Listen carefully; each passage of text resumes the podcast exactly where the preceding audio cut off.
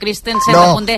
Jo vos saps te desviaste, el... que empezaste a hablar de la ciudad deportiva. Jo saps quin és el principal problema que li veig a la venda de- d'Araujo? És que perds ànima, i l'ànima és molt difícil de comprar. Bueno, tens amb Gavi, Sí que la tens amb Gavi, però mm, s'ha vist que aquest equip necessita ànima i, i al final Araujo és un dels, Sí, dels però- que sempre hi va. bueno, ara... És l'element més difícil de substituir perquè si em dius per, per, per sortir de la pilota, Però- doncs hi ha molts millors que ells. Però hi ha altres jugadors amb ànima que segurament a dins vestidor Félix. tenen, tenen més... Félix empuja como loco. No, no, que hi ha, altres jugadors a, al Sí, vestidor. per exemple, Íñigo també quan l'hem vist m'ha agradat. Són jugadors que dins del vestidor... Bé, Cancelo jo no el posaria. No, no, però és que jo no, jo no el poso, però dins del vestidor sí que el posen. O sigui, que els seus companys el tinguin com a més líder a Cancelo o a Íñigo, també es deu ser significatiu. Jo no, jo no convisc amb ells. ¿Habla bien de ellos o habla mal de los otros? No, parla bé dels- de- de- d'aquests dos futbolistes. Que segurament quan tots parlem de líders del vestidor, eh, d'entrada no penses en, Iñi, en Íñigo ni en Cancelo, però que els companys te'ls situïn com a líders del vestidor i que tenen això que deia la, la Laia d'ànima, doncs bé, potser després nosaltres des de fora veiem també alguns productes Del marketing. de màrqueting que potser són més de cara a la, gra- de cara a la graderia. que ¿Lo decís no por tant. el alemán? No, parlo en general. Ok, ok. No, no. Intenta sempre el Juan... allò- No, le pregunto. Sempre, eh? Intenta La llegir deixa entre anar- línies. La deixa anar, Sí, le sí, pregunto sí. porque que él me está, él me la está tirando, entonces yo salgo, a- salgo al cruce como Araujo, que estamos hablando de Araujo, pum. Claro. Sí, sí, sí. sí. No, no. E- Eres más torito que Araujo. Estamos, él me habla de Araujo, pum. No es por el alemán. S'ha de, llegir, s'ha de llegir entre línies sempre la tertúlia del Tu diràs. Hi ha hagut en, en un moment concret, eh, hi ha hagut eh, dues afirmacions, de fet no una, eh, del Ferran i del Juan, eh, i és que Flick, per exemple, el vestidor del Barça diguéssim que no és el preferit ara mateix. Eh? I, bueno, llegint entre Pero línies... yo, yo leí el Mundo Deportivo que, apre- que está aprendiendo castellano. Sí, sí, Sí, sí, sí. No, però crec que això va, ser, va sortir a va sortir a Alemanya, del Bill. Va Ah, sortir al Bill. yo lo leí en Mundo Deportivo, para mí mi referencia. Bueno, com a, per tu i per tothom. Serà un estiu entretingut. Serà un estiu entretingut i afortunadament encara hi ha, hi ha temporada per endavant, hi ha Champions, I només dir-te, això que dèiem de Flick sí? no és molt difícil entendre d'aquí ve, perquè ja hi ha jugadors de, dins el vestidor del Barça que l'han tingut. Mm -hmm. Gundogan. Dogan, Lewandowski. Ter Stegen... Va guanyar una Champions amb ell. Sí, La del 2 a 8. I 2 a 8 al Barça. sí, sí. Però I deixa, un deixarem, no? deixarem que... O sigui, seguirem deixant que els jugadors manin, vull dir... I No, fins I quan? aquest és un tema molt important, I que el que jugadors que no vingui ha d'agafar les regnes Fins i ha de ser el que que, mani. clar... eh, Mourinho. No. No, però pots tenir, pots tenir cert feedback, no? Això sempre s'ha fet, Marta, de tenir cert feedback i dir aquest... Vale, però una cosa és tenir feedback Sí. i l'altra és que els jugadors decideixin. No, jo no crec que decideixi. Jo crec que aquí Però aquí, decideix, aquí decideix al, el al Barça president. últimament els vestidors manen molt. El masculí, el femení... Epa, estás tirando hoy para todos lados. eh. No, es, incre- es ¿verdad? increíble, no estás dejando... Sí, si el, si, Estás si el, tirando l'anestèsia si el, de- poder, el poder del vestidor femení ja l'hem comentat aquí a, a la tertúlia del Tu diràs. Sí, sí, tant, i tant. Vull dir, està comentadíssim I en Espanya, No, no, no, no, no que parlo, que parlo I a la de espanyola, la tertúlia, simplement és que el Barça No vas a comparar para Ferran, creo que estás haciendo, inju- eh, que sinceramente no ahora, que estás diciendo injusto comparando el poder que tiene el, el vestuario del femenino con el vestuario del masculino. Que, que tiene más Mucho más el del femenino, por supuesto. O Ah, sea, vale, vale. Sí, sí, porque aparte vienen Bueno. de ganar, aparte vienen de ganar. Esto, esto no tendría que tener nada de poder, que cuánto hace que no ganan nada. El femenino si jugó cuatro de las últimas cinco finales de Champions. Si tiene poder, que me podemos discutir si está bien o mal, creo que lo tiene más marxat- Des que merecido. ha marxat Bussi, Alba, Piqué, que eren els que quedaven del Barça guanyador, sí que és veritat que ara mateix potser no tenen tant poder, però hi ha futbolistes dins el, dins el vestidor que a més a més, a mi em, em sorprèn molt que, que pretenguin tenir, que no sé si el tenen, però pretenen tenir un poder que, que no, que no, vaja, Pero- que, no, que no els hi casa. Yo estoy en el caso de Deco y viene alguno de estos y me, y me río. Me río, me empiezo a reír. Ahora, otra cosa es que venga Home, y, si viene- té y- Lewandowski, per exemple... Me río. Me río. Digo, hombre, te dediques a hacer goles. 5 minuts gairebé per sobre de, de Claro, otra cosa es que venga Irene Paredes. O que venga Putey. Bueno, Putey no es el mejor momento, pero que venga Itana Matí. No, digo, porque no Va passar, no va passar el mateix amb el, amb el vestidor Sí, sí. masculí del La, Barça eh, quan la diferència és que va bé la cosa al femení i al masculí no. Clar, va, els, Aquesta és la gran els, els diferència. Messi, Suárez, eh, quan guanyaven... No, eh, esos no mandaban. No, No. no, es- no, esos, esos eran tranquilos. Sol passar, és un cicle Eso habitual. era muy tranquilo. A tots Eso- els clubs, imagino, eh? No, no, no crec que només sigui aquí a Can En, Barça. en el sinó- Madrid no. Manda Madrid, uno. Manda uno. Això, això, això, aquí te dona la raó, sí. Preguntarle a Cristiano Ronaldo, a Sí, sí, Ramos, a quién más, a Casemiro. Casemiro, Bale. A Modric. Modric se están poniendo difícil, ¿eh? Sí. Eso sí que es una cama, otra que la de Frankie de Jong. Bé, són maneres, de, són maneres de gestionar el club. Són maneres de gestionar el club. El Barça va gestionar d'una manera a la sortida de grans futbolistes, eh, que va marcar una època aquí a Can Barça, i el Madrid no, va en sap, gestionar no, d'una altra però no manera. en, sa, no en saben el Barça de gestionar la sortida dels mites l'altre dia el, a la tertúlia del Barça i RAC1 Mm? eh, al temps afegit ho parlava el Frederic Porta i és veritat, històricament els grans jugadors i ara jugadors del Barça han marxat malament No lo sé, yo no estaba tan... No estoy... i aquí tens un exemple com Marta Corredera no va marxar com es mereixia del Barça. La, la primera jugadora que va marcar el primer gol de Champions, una de les, una de les jugadores més importants, que és veritat o no, Marta? Ah, Calla, calla. Ho No, no, falsa modestia no, Marta. Ho Acá parlàvem, falsa modestia ho no. parlàvem abans d'entrar amb la Laia, eh, del tema Alexia. Dèiem, és que si acaba marxant i la Laia em deia, ostres, però és que el Barça al final és una icona l'Alexia pel Barça. Dic, ja, però és que hi ha casos al Barça encara pitjors, o sigui, ha marxat Messi Però Messi com va marxar? i no se li ha tractat com es devia, vull dir, és una assignatura pendent del club sense cap mena de Para- dubte. paradójicamente, Messi yo creo que cambió un rumbo que había...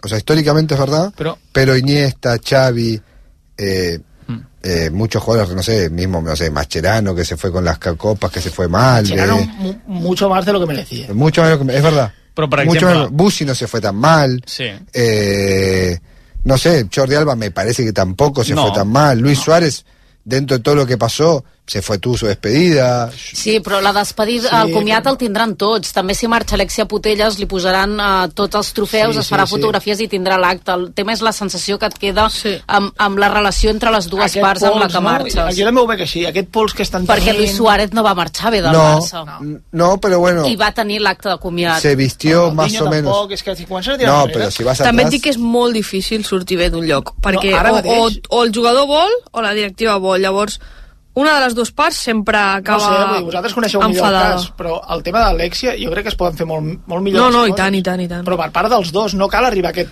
a aquesta tensió i a aquest pols de dir escolta'm, eh, nosaltres podem arribar a pagar-te això, Alexia. Si als Estats Units et paguen el doble, doncs, eh, ens donem la mà... No crec que sigui acabi- una qüestió de, de, de l'oferta econòmica. Que no? més enllà. ¿A qué te referís? Que crec que va més enllà, que no és una qüestió simplement de l'oferta econòmica. ¿Y qué más? No, no et puc dir tots els elements, no et puc posar totes les claus sobre la taula, però crec que va més com amb la recuperació de la seva lesió, del que...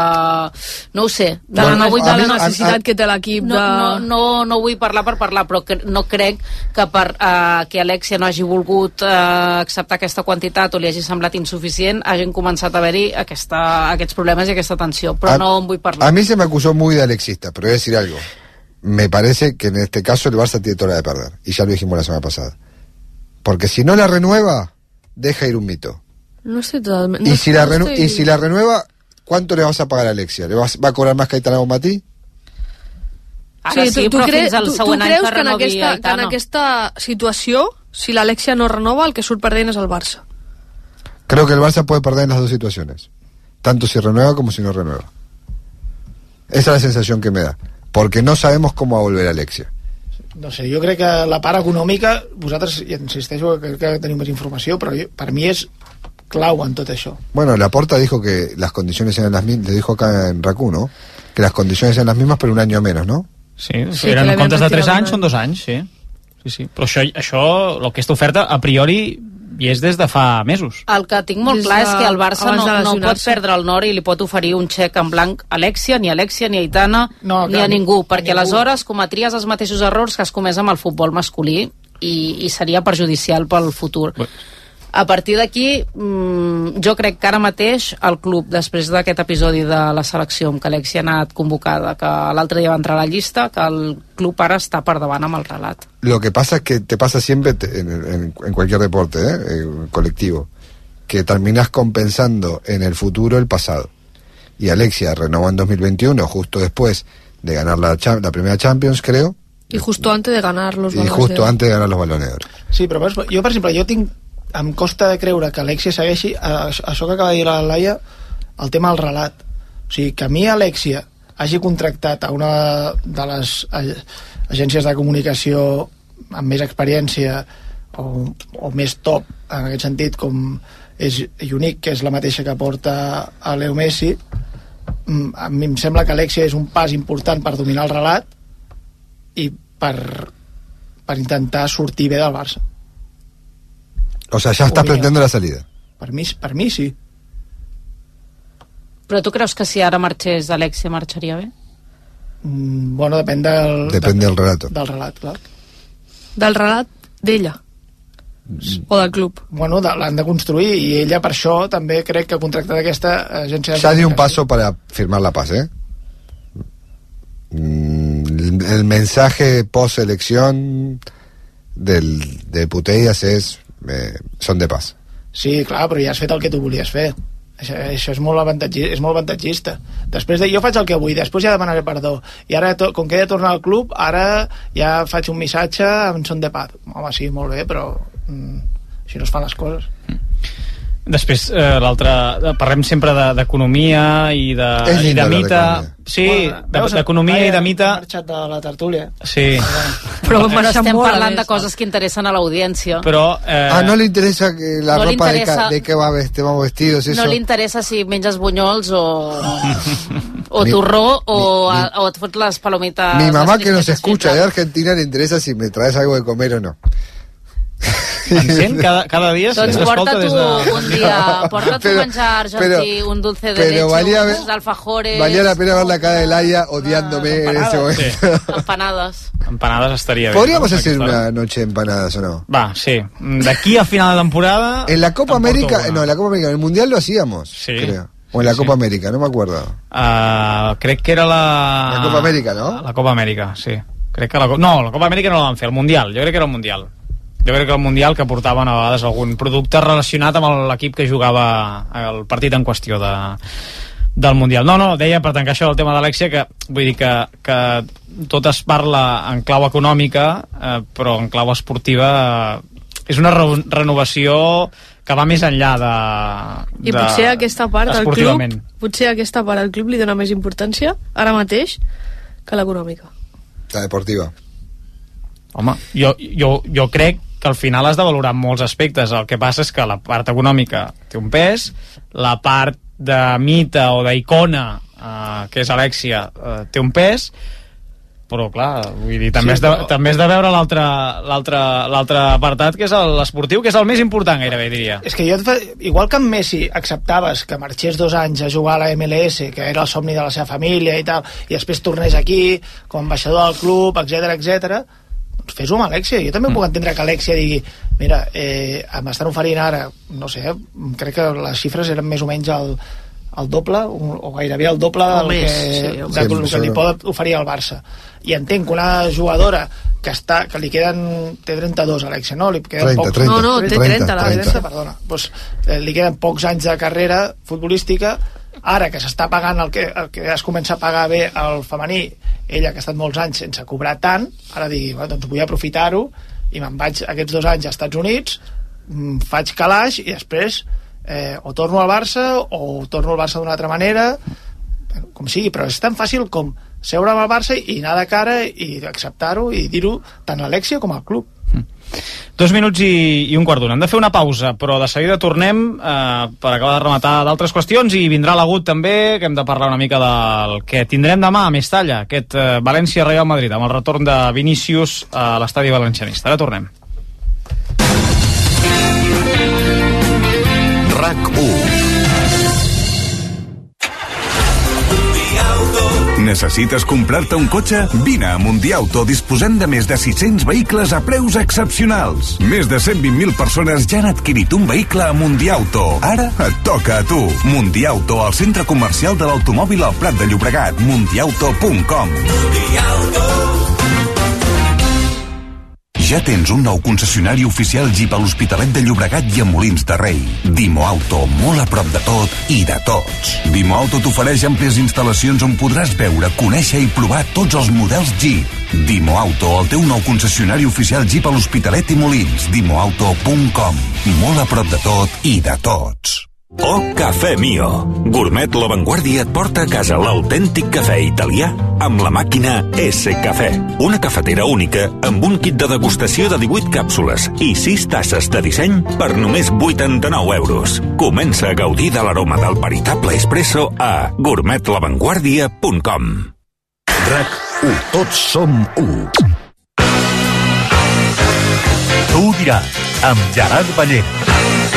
Naughty boys in nasty schools, headmasters breaking all the rules, having fun and playing fools, smashing up the woodwork. All the teachers in the pub, passing man a ready rub, trying not to think of when that lunchtime bell will ring again. Oh, what fun we had, but did it really turn out bad? All I learned at school was how to fun we had. Un quart d'una de la nit, aquí seguim el Tu diràs amb el Ferran Martínez, el Juan Irigoy i la Marta Corredera i també amb la Laia Coll, que aquest migdia eh, ens explicava una mica quin és el full de ruta amb el que treballa el club respecte als abonaments del nou Camp Nou. Es reduirà la llista d'espera a l'AIA, però ni molts menys podran entrar tots els socis que ara mateix eh, són a la llista, que em sembla que són 15.000. Sí, exacte. El nou Camp Nou tindrà 3.100 abonats més que els que hi havia abans del trasllat a Montjuïc, que era de 80.000 socis. Això significa que reduirà la llista de socis que esperen per tenir un abonament al Camp Nou un mínim de 3.100. Per què dic mínim? Doncs perquè el club també preveu destinar tots aquells seients que quedin lliures de socis que es donin de baixa a reduir la llista d'espera, que com bé deia Gerard, és de 15.000 socis. Per tant, es reduirà la xifra, però ni molt menys s'acabarà amb tota la gent que hi ha en aquesta llista d'espera i que esperen des de fa anys i molts anys. És cert que encara no se sap quin serà l'aforament final del Camp Nou una cop acabin les obres, perquè aquesta xifra acabarà depenent dels seients que s'acabin escollint, si són més o menys amples, però la xifra estarà al voltant dels 104.000 espectadors.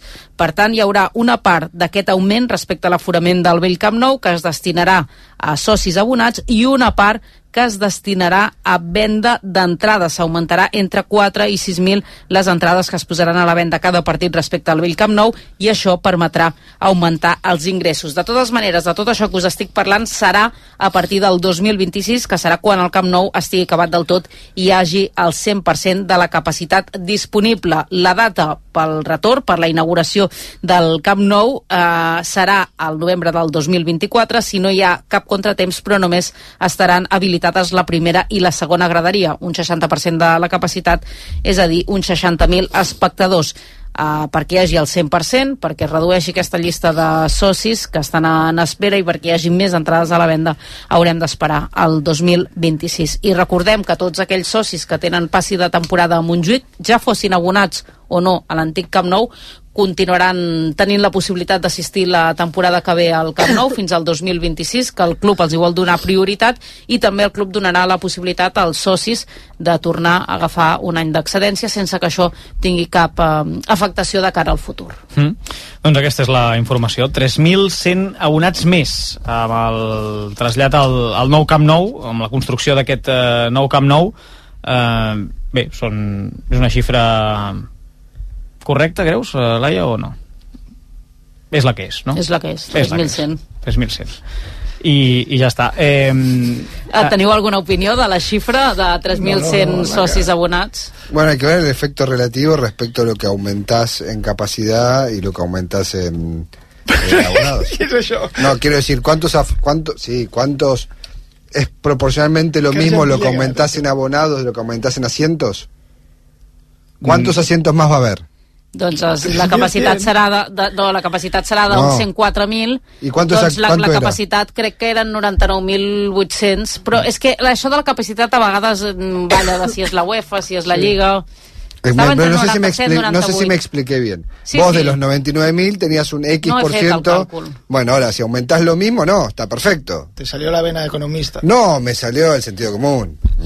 el que sí que, el que, sí que és veritat que insisteixo, quan eh, es va deixar el Camp Nou per traslladar-se a Montjuïc, la xifra de socis abonats era de 80.000, que s'havia reduït perquè anteriorment havia arribat als 82.000 i pico i no sé fins i tot si fins i tot a més. Però al final, clar, aquesta llista d'espera no serà fins que el nou Camp Nou... Clar, fins al estigui 2026. acabat. sí, sí, sí. Bueno, 26 a priori. No, home, no... no, no Todo lo- para, siguis para, De moment, van de moment les obres van bé. Ferran, No, no, no, Sal- pará, viniste no, a decir ¿qué vas a que querías a Guardiola y Arteta, no confías en el esta- en que termine el No. estadio. No, no, però perquè no, això no depèn del Barça. T'ho dic, ho dic de veritat. No? Mm. Mm-hmm. Aquestes obres, el Barça té un, pla- una planificació, però no depèn del club. O sigui, si les obres van un any més tard perquè hi ha, eh, hi ha una demora, doncs no, no, no li podem recriminar al club això. Bueno, potser sí, perquè són els que van... Oh, però de fet hi ha, escollir- hi ha penalització, no? Sí, d'un milió d'euros per dia que triguin. Siguem positius, Ah, que de moment les obres van ràpid. De moment les obres van ràpid. De moment sembla, sembla que tot va bé. les sí, obres. Quizás No, totalmente siendo gratis. gratis. No, però bueno, és que com que el relat aquest optimista de que tot va bé, tot és perfecte, eh, eh, és una tònica general al club, doncs m'estranya que ara l'encertin amb les obres, tant de bo que sí. Siguem optimistes. Eh, 10 minuts i dos quarts d'una. Ara de seguida ve l'hagut a parlar-nos d'aquest eh, València-Real Madrid. Abans deixem anar també un moment cap a Mallorca, eh, perquè curiosament diumenge el Girona també visita el camp d'un finalista de la Copa del Rei. Eh, Sebastià Adrover, cap d'esports del Diari de Mallorca. Bona nit. Què tal? Bona nit, Gerard. Bona nit. Eh, Se'n deu haver parlat poc, entenc, del partit del Girona de Lliga. Aquí, no? Encara?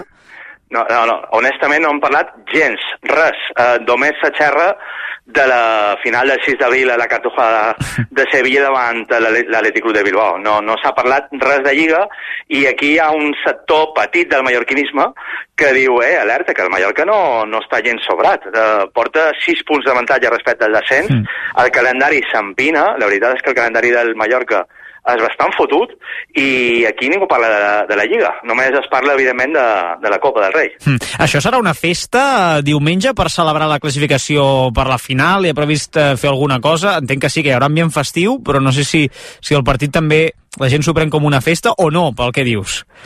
Bueno, de moment el club oficialment no ha organitzat absolutament res, Mm. però, però el que està clar és que jo crec que hi haurà molta gent.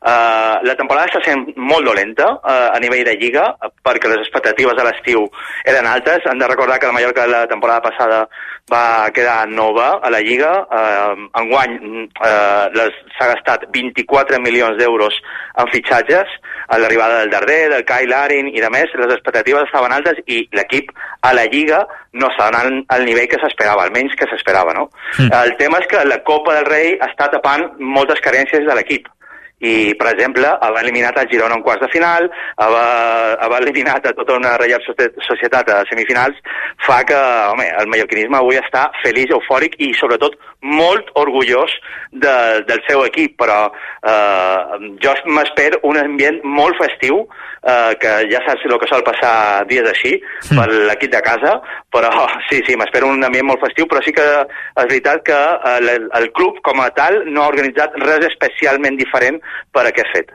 Clar, això t'anava a dir, eh, recordo la primera meitat, el dia contra el Girona, als quarts de final de la Copa, el Mallorca eh, va atropellar el Girona en els primers 45 minuts. Es fa difícil pensar que això mm, es pugui repetir, no? Eh, el, el diumenge, tenint en compte, com dius, aquesta versió de la Lliga, el fet de venir de jugar entre setmana, etc etc. Sí, sí, sí, jo no m'espero un Mallorca igual. També dic que aquella primera mitja hora, aquella primera part del Mallorca davant el Girona a Copa del Rei és el millor que ha fet el Mallorca aquesta temporada. Uh, sincerament, jo, és que uh, li va sortir tot redó, es va posar a recordar amb 3 a 0 uh, i clar, després ja va ser un escenari molt diferent perquè el Mallorca resistís i pogués uh, eliminar a tot un Girona, no? Però, però no m'espero un, un Mallorca igual a, en Lliga. Ja veurem també com gestiona les rotacions Javier Aguirre, Mm. mm. perquè això és un altre tema. Uh, la veritat és que Sant Sebastià ho va fer molt bé el passat uh, dimarts, però veurem també, perquè és que el Mallorca va jugar molt bé a Vitoria la jornada anterior, um, amb un centre del camp que després va ser suplent uh, a Anoeta. Uh, a Lliga, uh, davant l'Alavés, va jugar amb Morlanes i en Darder, i després eh, a Noeta va jugar amb el Dani Rodríguez i l'Antonio Sánchez en el centre del camp. Això què vol dir? Que és un Mallorca absolutament diferent, que té molt menys la pilota, no? Per això jo tinc molta curiositat pel que diu eh, aquest dissabte el Javier Aguirre sobre, sobre això, sobre quin Mallorca vol que vagi endavant el Girona i, i sobretot el tema de la gestió de minuts de, de jugadors. Mm. Doncs veurem què diu en roda de premsa Javier Aguirre i com es pren aquest partit al, al Mallorca després d'aquesta classificació històrica per la final de la Copa del Rei. Eh, Sebastià Drové, gràcies per atendre'ns eh, aquesta nit. Una abraçada molt forta i enhorabona pel que, per la part que us toca. Moltes gràcies, moltes gràcies. Bona nit.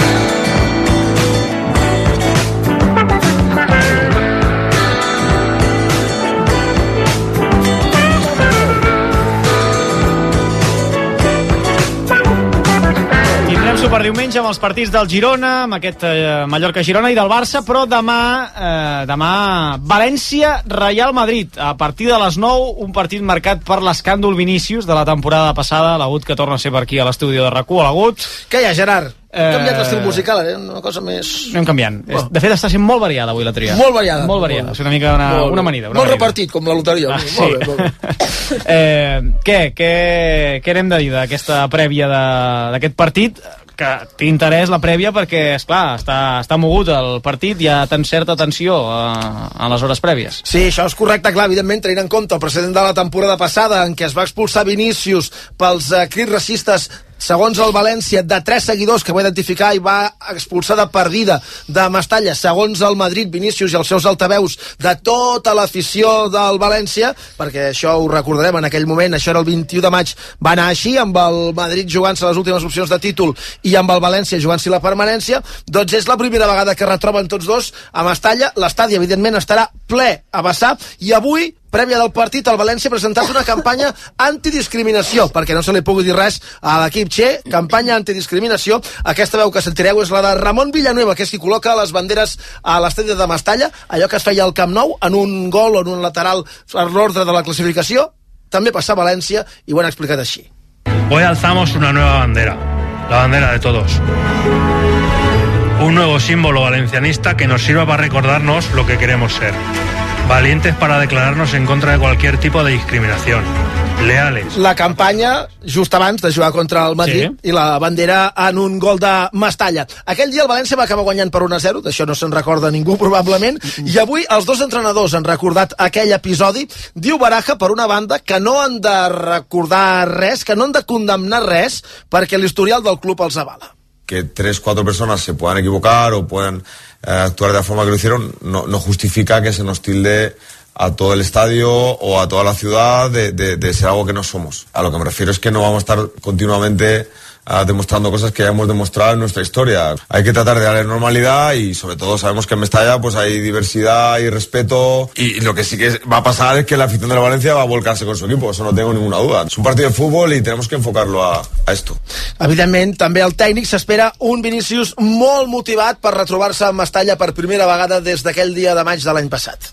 Bueno, espero seguramente su mejor versión. Es un magnífico jugador ah, y querrá pues hacer un buen partido, como querrá hacerlo en el siguiente o en el siguiente. Eh, sin más, nosotros trataremos de eh, intentar minimizar sus, sus cualidades, que son muchas, y lo tenemos que hacer como equipo y sin más, porque no- que yo, sé- que yo sepa el Madrid juega con 11 y no, no solamente juega Vinicius, están jugando otros 10 jugadores A l'altre bàndol, Ancelotti aplaudeix el comportament que ha tingut el València arran d'aquell cas, d'aquell dia en què hi va haver els crits racistes contra Vinícius a Mestalla. Siempre antes de un partido es lo que, quiere una afición, lo que quieren los equipos de jugar un gran espectáculo, eh, un espectáculo en- entretenido. No olvidar lo que ha pasado el año pasado. Cuando hay actos eh, racistas tenemos que condenarlo, identificarlo. El mismo Valencia lo ha hecho muy bien el año pasado porque ha identificado lo que han hecho Amb el temps recordem que Ancelotti eh, s'ha moderat perquè després del partit va generalitzar i va culpar i va qualificar de racista tota l'afició del València i en aquell cas brava pels companys de València, dels periodistes que van irrompre d'alguna manera en la roda de premsa que estava fent Ancelotti sense tenir torn de paraula van provocar que se'ls escoltés i que Ancelotti potser hagués de matisar una mica el discurs perquè ja s'estava oferint el discurs únic habitual després dels partits del Madrid. Avui ha dit Ancelotti que no ha hagut de parlar amb Vinícius eh, per dir-li quatre coses. Jo no m'ho crec, Marta. Jo tampoc. Eh? Tu t'ho creus? No. no, eh? Clar, és que... Tu t'ho creus, Juan? Que no, no. jo crec que hi ha hagut aquí una conversa com a mínim... Ha parlat el Tito Floren i tot, fins i tot. No ho sé, però jo crec, jo crec que jo crec que no li ha volgut donar eh, transcendència a tot el que va passar la temporada passada o sigui, sí que li ha volgut donar transcendència als crits racistes, però no a que pugui tenir conseqüències el que va passar la temporada passada en aquesta. Però que està clar, o que jo crec que Ancelotti, com a mínim, ha parlat amb ell, pues, vaja, és que no en tinc cap dubte. No, perquè és una situació difícil de controlar també per Vinícius demà, eh? Sí, sí, és un, és un partit molt calent demà. És que no estem parlant d'un jugador que sàpiga doncs no mira cap a la graderia no mira cap a la graderia quan l'insulten ja no dic que l'insulten amb algun crit racista, no, no, que l'insulten perquè més talla t'insulten Mm, no t'insulten Com per desgràcia t'insulten a tot arreu Sí. sí. de tots els jugadors de tots els equips. Sí, però Mestalla és un camp calent, a més, vull dir que és una afició calenta, que està a sobre i que ho viu molt i malauradament hi ha insults en el món del futbol eh, i no estic parlant dels insults racistes, que això ja no hi entro. Això, a la que n'hi hagi un, es para el partit i si no tots cap a casa i, i, i ja està. Però que, que és una situació difícil de controlar i Vinícius no és dels que es eh, calmi a la primera. Eh, No, eh, creo no, que es es lo que... en aquestes situacions. Sí, sí, o si crece o le gusta, por eso, o no sé, o disfruta o lo que sea, pero él también pone su parte. Sí, però és que jo, jo, jo sincerament no crec perquè, per exemple, aplaudir a la cara d'un àrbitre a ell no li ha costat la segona groga, a Nico Williams sí, el mateix àrbitre, Quadre Fernández. Vull dir, hi ha un reglament a banda per ell i per la resta. I jo crec que quan ell... La temp- No es nuevo, Mike, Bé, no es nuevo. No, no, no, però, però vull dir que per això jo crec que, que, jo crec que demà ell O a Fernando Hierro. que, eh, Hierro. eh, jo, jo crec que, que demà ell no, no, cam, no canviarà la, la manera de fer. No, jo, jo crec que ell tibarà la corda. El que no s'esperava és que la temporada passada es trenqués la corda per la seva banda, perquè ell va tibar la corda al màxim. Evidentment, se censuren tots els crits racistes, un, mil o deu mil, i si s'ha d'aturar el partit, que s'aturi, i si s'ha de fer fora els aficionats, que se'ls faci fora. Jo, en això, ho tinc claríssim. Però que ell tira, tira de la corda pensant-se que es trencarà per l'altra banda. N'estic convençut, i, el, i per això que, que demà qui té el problema no el té Vinícius, el té l'àrbitre. O sigui, demà el tindrà Gil Manzano, aquest problema entre una afició que és molt passional i un jugador que no té res de cerebral, o que si ho té és des del punt de vista una mica maquiavèlic a l'hora d'intentar portar el partit al seu terreny, vaja, jo crec que Vinícius no farà res gaire diferent de, del, del que és habitual, sincerament jo ho entenc així. Sí, també és veritat que la temporada passada el marcador en contra, etc etc, s'ha de veure també cap on va el partit, no? I, i aquí tindrà també molt a veure mm, no és el mateix, no és el mateix anar que el València Sí. vagi guanyant 1-0 que que el Madrid es posi 0 a 1 o 0 a 2 no? i que el partit baixi una mica a nivell de, de tensió però vaja, la rebuda Jo evidentment Que, és que, de fet, et diria... Bueno, no sé com ho gestionarà Ancelotti, però que, que jugui Vinícius fins i tot et pot restar demà. De fet, deixa'm dir una cosa més sobre això. Mm. L'àrbitre que va expulsar la temporada passada Vinícius és Iglesias Villanueva, el de Bar, perquè el de camp de Burgos Bengoechea no havia pres aquella decisió. I Iglesias Villanueva, tot i que ja pensaven jubilar-lo a l'estiu, quan s'acabés la temporada, des d'aquell dia ja no va tornar a xiular mai més. O sigui que el missatge que reben els àrbitres és qui expulsa Vinícius té conseqüències. Sí. No, lo bueno que mañana también es una buena prueba para ver cómo va evolucionando la afición, porque sabemos que Vinicius, o sea, ahí tam- Vinicius genera una prueba semana tras semana a las aficiones de cómo evolucionan con el tema, con el tema, sí, porque es un es un chico que que por los motivos que sean, eh, yo los partidos, los pocos partidos que estuve en el campo, que lo tuve que ver a él, cuatro o cinco, es un tipo que siempre está mirando la grada, siempre está haciendo gestos, siempre está diciendo que si es bueno, que si es lindo, que si no sé qué. Provoca, es que le gusta, le gusta provocar. Eh, Entonces, I parla amb jugadors d'equips rivals que et diran que els diu que ell juga al Madrid i tu jugues al Girona, al Mallorca, sí, eh, al Cádiz... Hubo una famosa con Rodrigo de Paul, ¿no? Que le dijo, yo juego en Madrid, y Rodrigo de Paul le dijo, y yo soy Sí, campeón del mundo. es, i es mira l'escut, però és que això és un provocador, això ja ho sabem, és un provocador. Está bien, lo que pasa que, claro, cuando pasa, cuando pasa la afición, es difícil. Vos podés controlar 10 jugadores, 11 jugadores cuando sos un entrenador.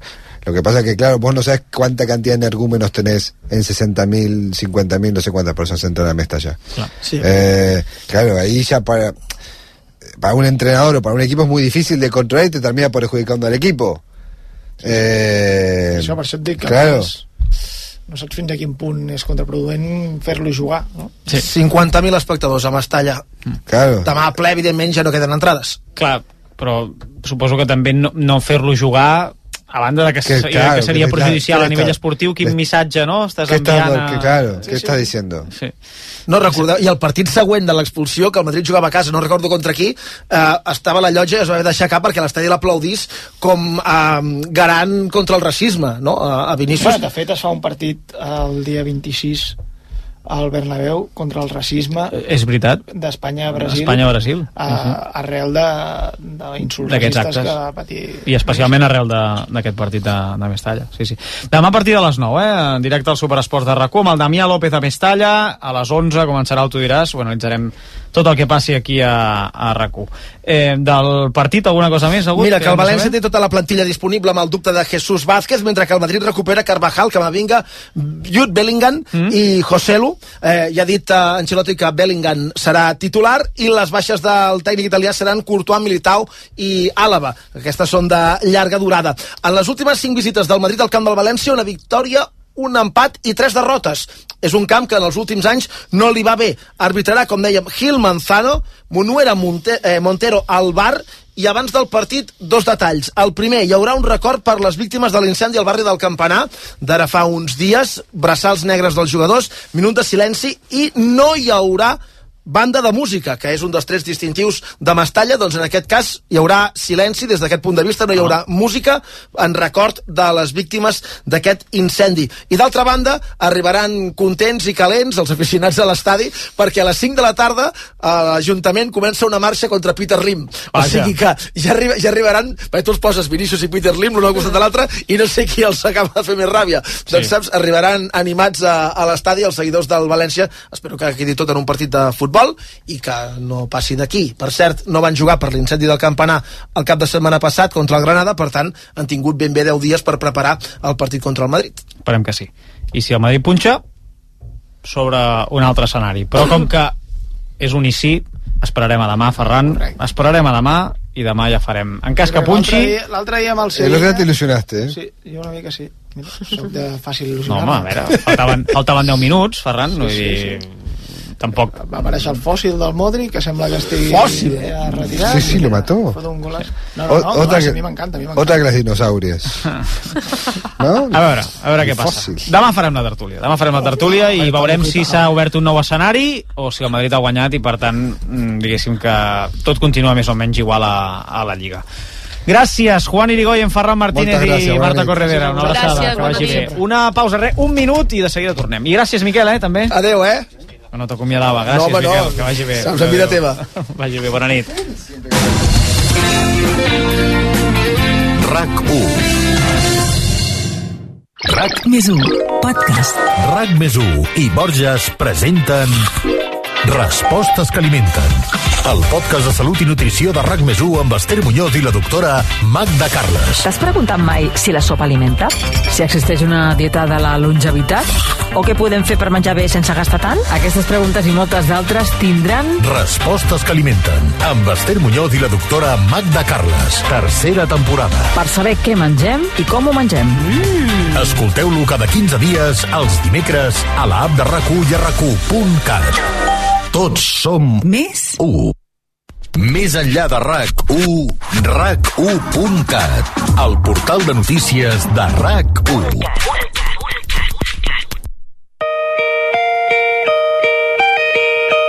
Tu ho diràs, amb Gerard Ballera.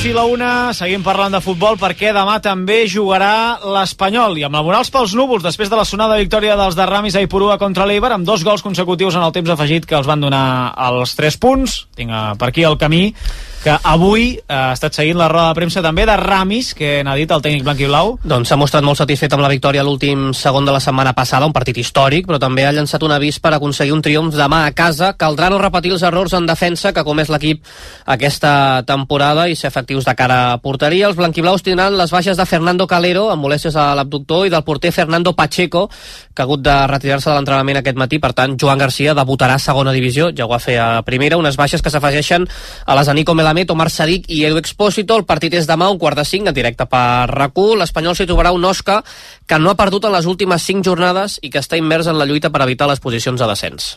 Un ritmo de balón, con buenas circulaciones, con mucha movilidad, teniendo presencia en el área, en situaciones de área, estando muy atento a no cometer errores, a transiciones, que ellos también las manejan bien. Bueno, hay que hacer muchas cosas, pero bueno, nos vemos capaces. Ellos es verdad que encajan poco, nosotros encajamos más que ellos, pero también es verdad que nosotros también marcamos, tenemos unos números buenos, en las últimas dos jornadas hemos hecho seis goles. Els blanquiblaus, segons a 3 punts al Leganés, volen allargar les bones sensacions mostrades en les últimes jornades per sumar 3 punts que, com deia Ramis, el consolida consolidarien a la part alta de la Lliga. és molt important sumar uns altres 3 punts eh, pocs equips són capaços de sumar tres victòries consecutives i demà tenim eh, l'opció per tant eh, en, aquesta, en aquesta estem tota la setmana havent-ho disfrutat després del partit lògicament a Eibar no? però s'ha acabat i termina una cosa i comença una altra Avui serà la primera vegada que ha respost totes les preguntes en català, és a dir, totes les preguntes que li feien en català Ah. les responia en, en català, per tant eh, ho celebrem, una jornada 29 a segona divisió que ha començat avui amb un partit avançat, ho veiem abans aquest Sporting de Gijón 2, Albacete 1 que deixa a l'equip d'Astúries a 3 punts de l'Espanyol a un punt, perdó, de l'Espanyol Sí, a un punt. L'Espanyol ara mateix en 47 i l'Sporting 46. amb, amb 46. Mira, el rival de demà precisament és l'Osca eh, i l'entrena un vell conegut del Centre d'Esport Sabadell, Antoni Hidalgo. Demà torna a prop de casa seva, ell que va néixer a Granollers. Hola, Antonio, bona nit. Hola, bona nit. Com estàs?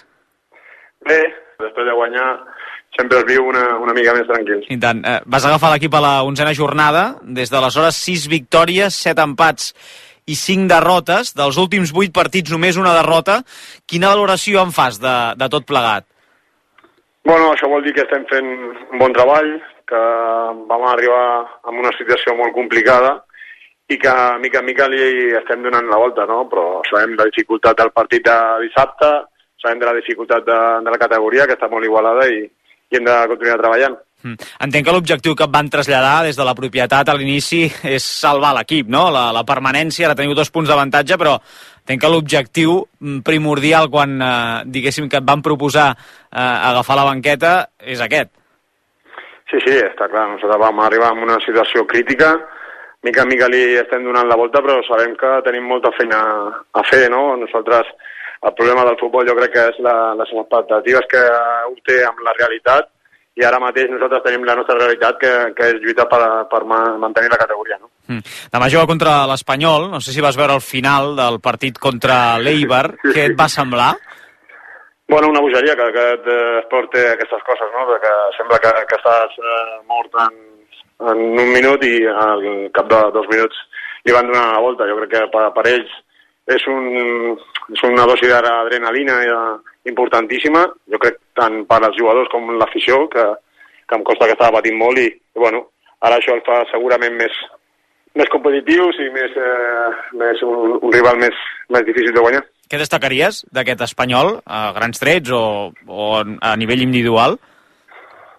Bueno, a nivell individual és difícil destacar un jugador. Evidentment, el, el Breakway està en un moment increïble i marcant unes diferències que ja tothom sabíem que, que ho faríem, però bueno, jo ara destacaria el bloc, no? Tenen una solidesa gran, tenen una idea molt clara amb un gran entrenador que sé que està molt qüestionat, però jo crec que no és fàcil eh, treballar en un ambient tan, tan complicat com, com és el de l'Espanyol. I bueno, l'altre dia van guanyar tranquil·lament a casa del Mirandés, l'altre dia van guanyar segurament eh, no mereixent-lo, però, però bueno, ara estan en aquesta dinàmica i bueno, un equip que estic convençut que pujarà. Hm. T'has convençut que, que l'Espanyol serà l'any que ve primera, eh? Sí, sí, jo no tinc cap dubte. Mm. Eh, a nivell individual, Antonio, l'experiència que vas tenir al Centre d'Esport Sabadell, eh, a segona divisió, eh, t'ajuda a l'hora de afrontar aquesta temporada? Vas aprendre alguna lliçó?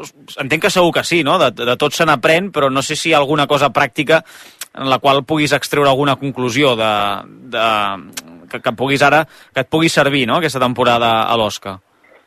Però es refereix a, a nivell global.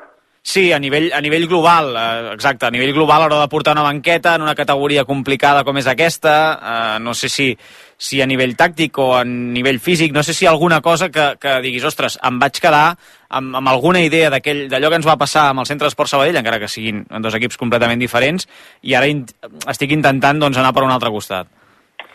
No, a veure, això del món del futbol dels entrenadors, jo tinc una idea molt clara del que, del que m'agrada uh, com juguin els meus, uh, els meus equips, Mm.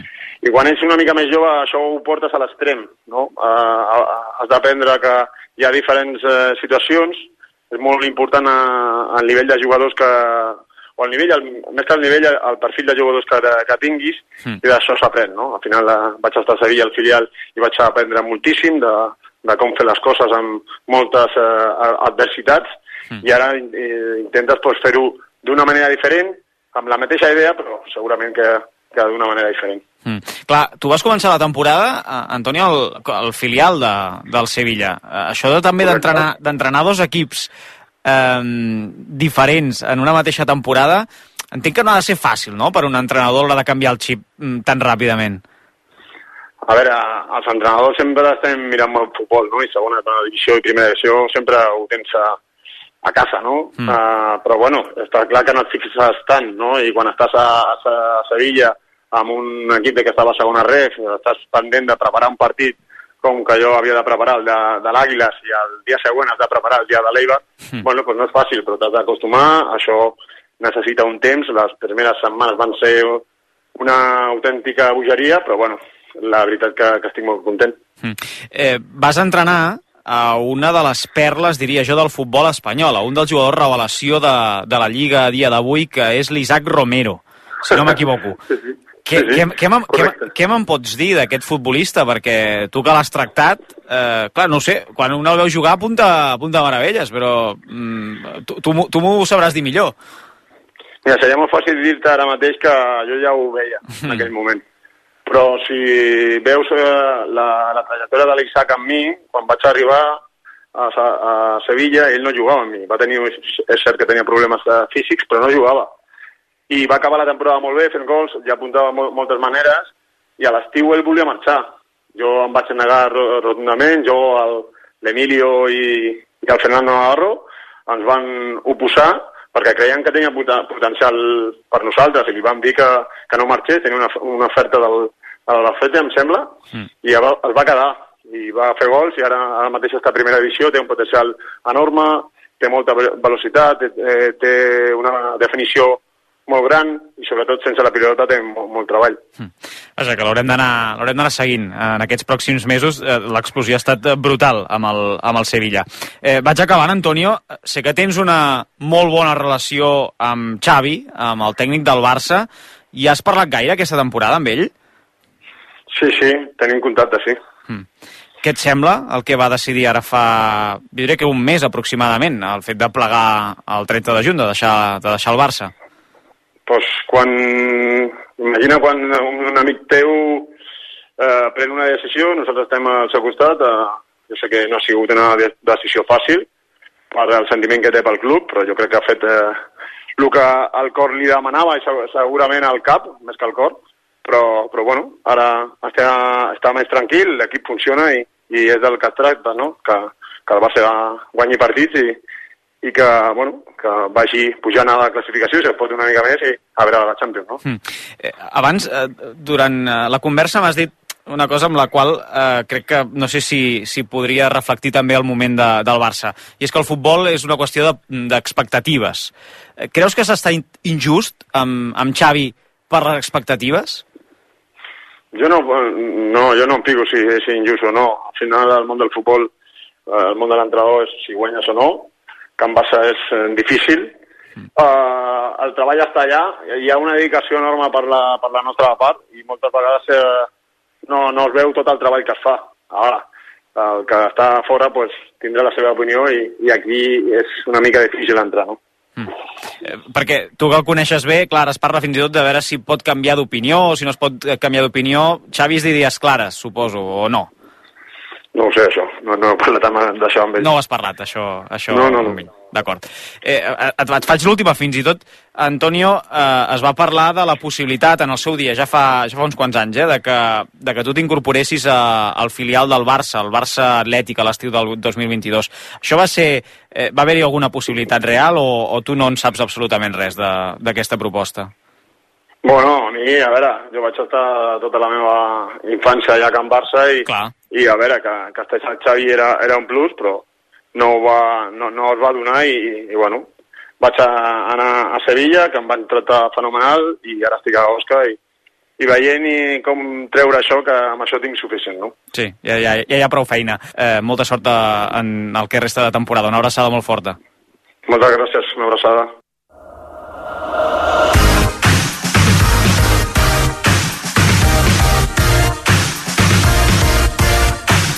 Busquets over to Jordi Alba, what a touch! Messi! L'Uragano Victor! And Haaland goes for goal, Haaland scores!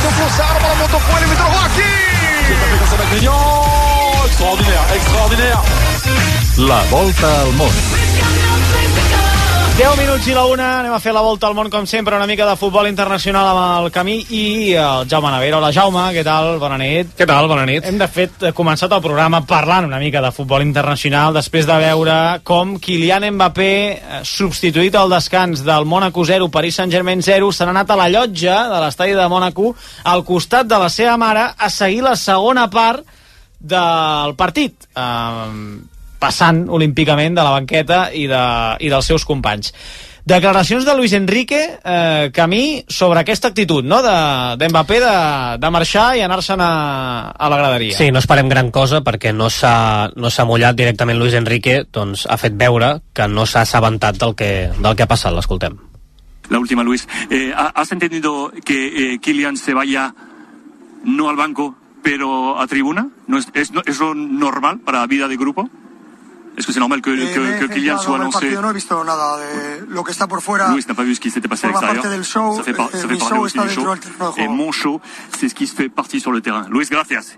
Y buen partido para la Liga. Doncs vinga, uh, Sí. passiau cap a, cap a casa. Ha dit alguna cosa de per què l'ha substituït? Que s'han d'acostumar a jugar sense Mbappé perquè ja ha dit que no continuarà i que, per tant, ja ho va dir fa un parell de setmanes o la setmana passada i avui ha tornat a repetir el, el mateix discurs amb aquella cara tan característica que posa com si li estiguessin preguntant per una cosa que no té res a veure amb el que, amb el que ha passat. Com ho interpreta, Jaume? Acabarà malament, això?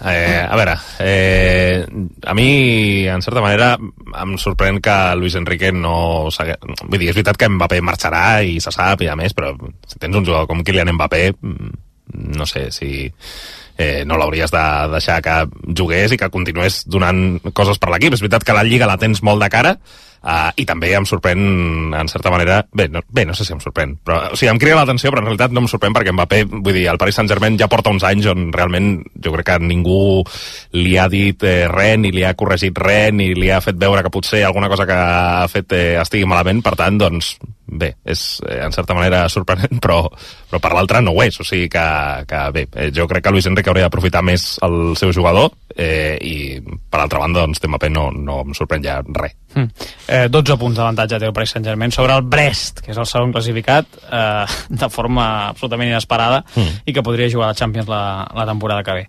Avui ha empatat el Bayern també, al camp del Friburg 2 a 2. Són 7 punts ara de diferència, i el Leverkusen juga aquest cap de setmana contra el Colònia, que és derbi. Eh, o sigui que si... Diumenge el... o demà?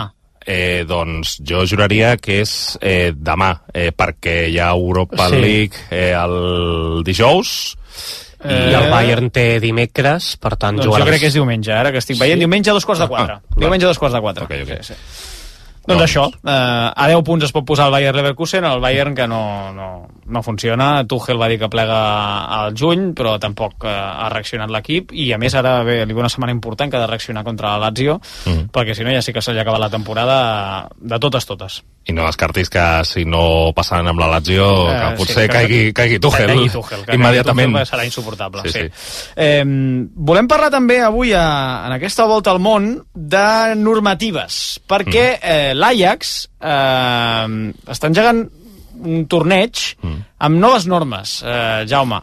Avui que, o demà, eh, aquest dissabte, que estarem pendents del que decideixi la IFAB amb les noves normatives del futbol, eh, l'Ajax està experimentant d'alguna manera, podríem Sí, eh, i ells diuen que experimenten doncs, amb el permís de l'IFAB i de la Federació Holandesa, que veuen bé doncs, eh, provar certes normes, i eh, bé, aquesta Future Cup, que és, el torneig, eh, és un torneig sub-17 que organitza l'Ajax i que es disputa a les dates de la Setmana Santa, eh, i bé, doncs, les normes en qüestió que l'Ajax provarà seran eh, l'utilització del temps efectiu, eh, destaca també el fet de que tant a les faltes com als serveis de banda, eh, doncs, eh, pots... Eh, bé, en, en el cas de les faltes, doncs, no cal que passis la pilota, sinó que, la, sinó que pots posar-la en joc conduint la pilota. Mm. Això també es pot fer als serveis de banda, on no cal que els treguis amb la mà, sinó que, eh, de fet, doncs, eh, només els pots treure amb el peu i pots passar-li a un company o pots eh, conduir tu la pilota.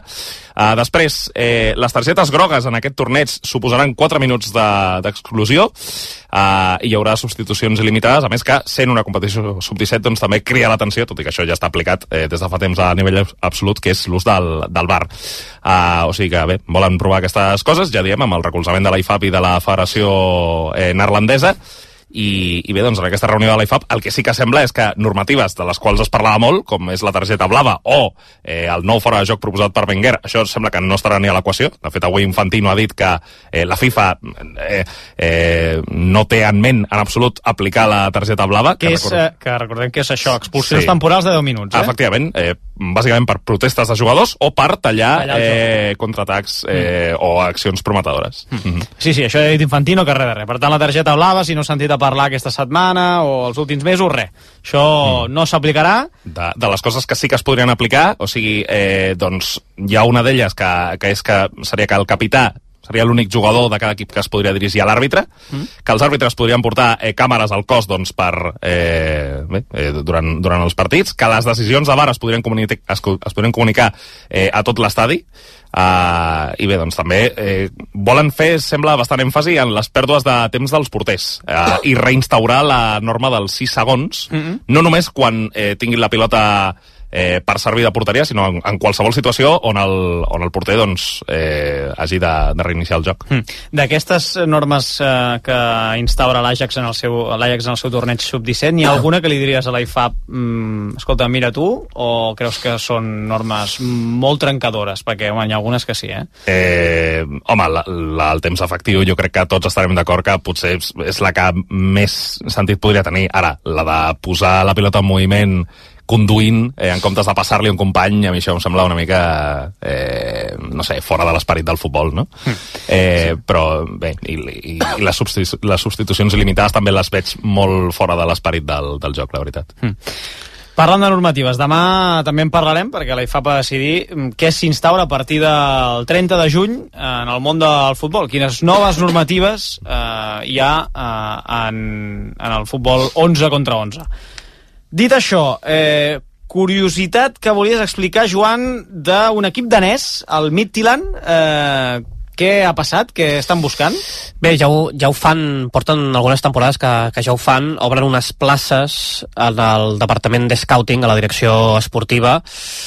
A veure, té una doble lectura, és a dir, eh, el plantejament em sembla interessant, perquè volen eh, ampliar el departament de scouting amb gent repartida per tot el planeta per cobrir diferents eh, regions, lligues, mercats, el tema és que no, no està remunerat. És precari, una mica. Sí. Eh, Una a més, mica sor precari. sorprèn venint d'on ve, jo crec que abans ho parlàvem amb el Jaume a la, a la redacció, que això potser ens encaixa més en equips espanyols, sobretot, o en aquestes zones, que Sud no pas, d'Europa, no? Que- Sí, que no pas en aquelles, en aquelles zones. És cert que està destinat a estudiants en pràctiques o gent molt jove, és a dir, en cap cas una persona de 40, 50 anys, vaja, eh, o sigui, vol fer que ho faci endavant, però, però bé, és a dir, m'agrada en el sentit de et, et cobreixes les esquenes en aquest sentit, de poder tenir moltes lligues controlades, molts mercats, però d'altra banda, doncs, no deixes de- d'explotar a la gent castellà perquè no veurà un euro en aquests 12 mesos, que és el que dura aquest eh, període de,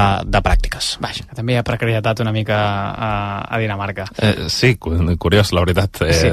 Ja ho dèiem abans, no? O sigui, per la zona o per la regió d'on ve aquesta idea, la veritat, eh, estem una mica sorpresos, sí. Mm. Eh, ara de seguida els jugadors que creieu que d'aquí uns anys poden fer la volta al món, abans això m'ha recordar que aquest cap de setmana a Anglaterra hi ha un City, eh, un City Liverpool, no, un City United, Mhm. el derbi de, de Manchester, serà diumenge a dos quarts de cinc de la tarda. Si us ho voleu apuntar, diumenge a partir de dos quarts de cinc, va tot seguit.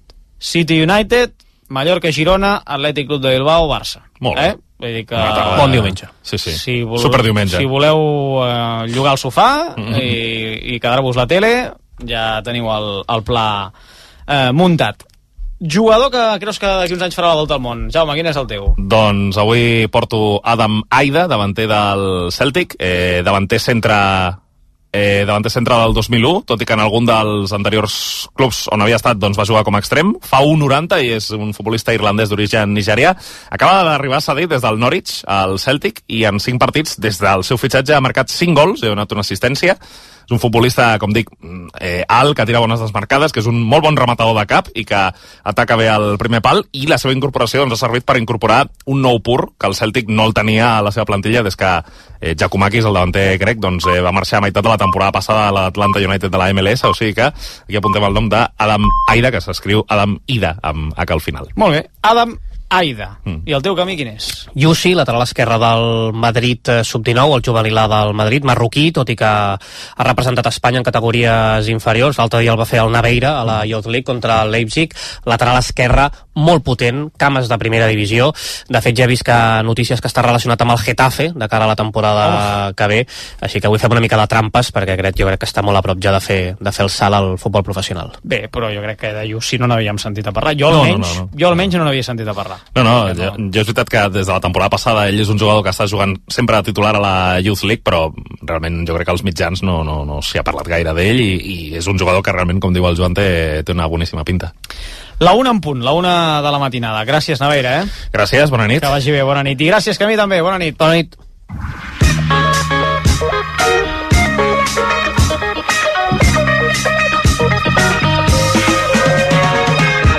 L'última part del programa la dedicarem a explicar-vos eh, algunes reaccions del Gran Premi de Bahrein de Fórmula 1. Demà és la cursa, eh? Demà a partir de les 4 de la tarda. Però és que avui ja hi ha hagut la classificació Uh, hola, Rubén Pérez, què tal? Bona nit. Bona nit, Gerard. Què n'han dit tot plegat els protagonistes? Doncs eh, Carlos Sainz sortirà quart i ha assegurat que el seu objectiu eh, serà arribar al podi. Eh, yo creo que sí, ¿no? Yo creo que saliendo cuartos hay que ir a por todas, ¿no? A pelear por ese podium que yo creo está al alcance de la mano. Sí que es verdad que no será fácil, ¿no? Pasar a, a- al Mercedes y, y ir ahí en carrera con ellos y con los McLaren detrás. Va a ser una carrera muy movida. Por otro lado, sí, salimos por el lado sucio, que aquí quizás no es lo, no es lo ideal, así que habrá que mejorar, eh, habrá que salir bien y, y ir para adelante en carrera. D'altra banda, Fernando Alonso sortirà sisè. El pilot asturià ha mostrat la seva sorpresa pel rendiment del seu Aston Martin. He tenido sensaciones contrarias en los test a, todo el fin de semana. En los test eh, tuvimos un coche muy difícil de conducir y sin embargo el, fin de semana ha sido todo lo contrario. Cada cambio que hemos hecho, por mínimo que fuese, eh, hacía exactamente lo que queríamos y, ha sido bonito ver el progreso que hemos hecho con, los reglajes y todo. Pero bueno, eh, mañana es la carrera, ¿no? Tenía ganas y curiosidad en la primera crono porque es el primer momento del año que estamos todos en las mismas condiciones, en el mismo momento de la pista y ha sido una sorpresa increíble el, el- el ser competitivos. A ver si mañana lo confirmamos. L'home més ràpid de la sessió ha sigut Verstappen, per davant de Leclerc i Russell. Ara que tenim una fotografia real una mica de com començarà aquesta temporada de la Fórmula 1, li hem volgut preguntar al nostre home Fórmula 1, a l'Àlvaro de Mà, mm, què li ha semblat aquesta primera sessió de classificació oficial de la temporada 2024 a, a l'Àlvaro. Ens ho explica. Hola Gerard, què tal? Bona nit. Després d'haver-se passejat la temporada passada i d'haver guanyat els tres últims títols de manera consecutiva, Max Verstappen és el rival a batre i el gran favorit per la temporada que comença aquest cap de setmana a Bahrein. Que avui hagi aconseguit la pole position ho confirma, però atenció perquè les coses podrien estar molt més apartades que la temporada passada, on el de Red Bull va guanyar 19 dels 22 grans premis i es van portar el campionat a 6 curses pel final. A l'espera de veure demà els ritmes de cursa, la classificació disputada aquesta tarda a Shahir va preveure una temporada més disputada. Els nou primers han quedat separats per poc més de mig segon, i entre el segon, Leclerc i el setè, Norris, hi ha poc més de dues dècimes. Així que sí, Verstappen és el favorit, és el rival a batre, però atenció perquè Ferrari, Mercedes, Aston Martin o McLaren li podrien posar les coses complicades pel bé de l'espectacle, tant de bo sigui així. Gràcies, Álvaro. Seguirem la cursa a partir de les 4 de la tarda, com dic, a l'inici del Superesports. I a la Fórmula 2, que és la categoria petita, hi ha un català que avui s'estrenava en aquesta categoria. El Pepe Martí i Rubén ha aconseguit eh, pujar al podi. Així és, ha, ha pujat al podi després de remuntar fins a 8 posicions. El català ha acabat tercer per darrere de Saint Maloney i Jack Crawford. Martí ha restat importància a la seva actuació a Dazón. Tampoco he hecho nada fuera de lo normal, quiero decir, para mí es una carrera que he intentado gestionar bien las ruedas, he intentado hacerlo un poco eh, siguiendo los, los guidelines que te pones siempre antes de, de empezar y, eh, y ha sido un, un muy buen resultado, así que contento. Pepe Martí tornarà a la pista aquest dissabte a dos quarts de dotze a la segona carrera del cap de setmana. Molt bé, gràcies, Rubén. Bona Gràcies.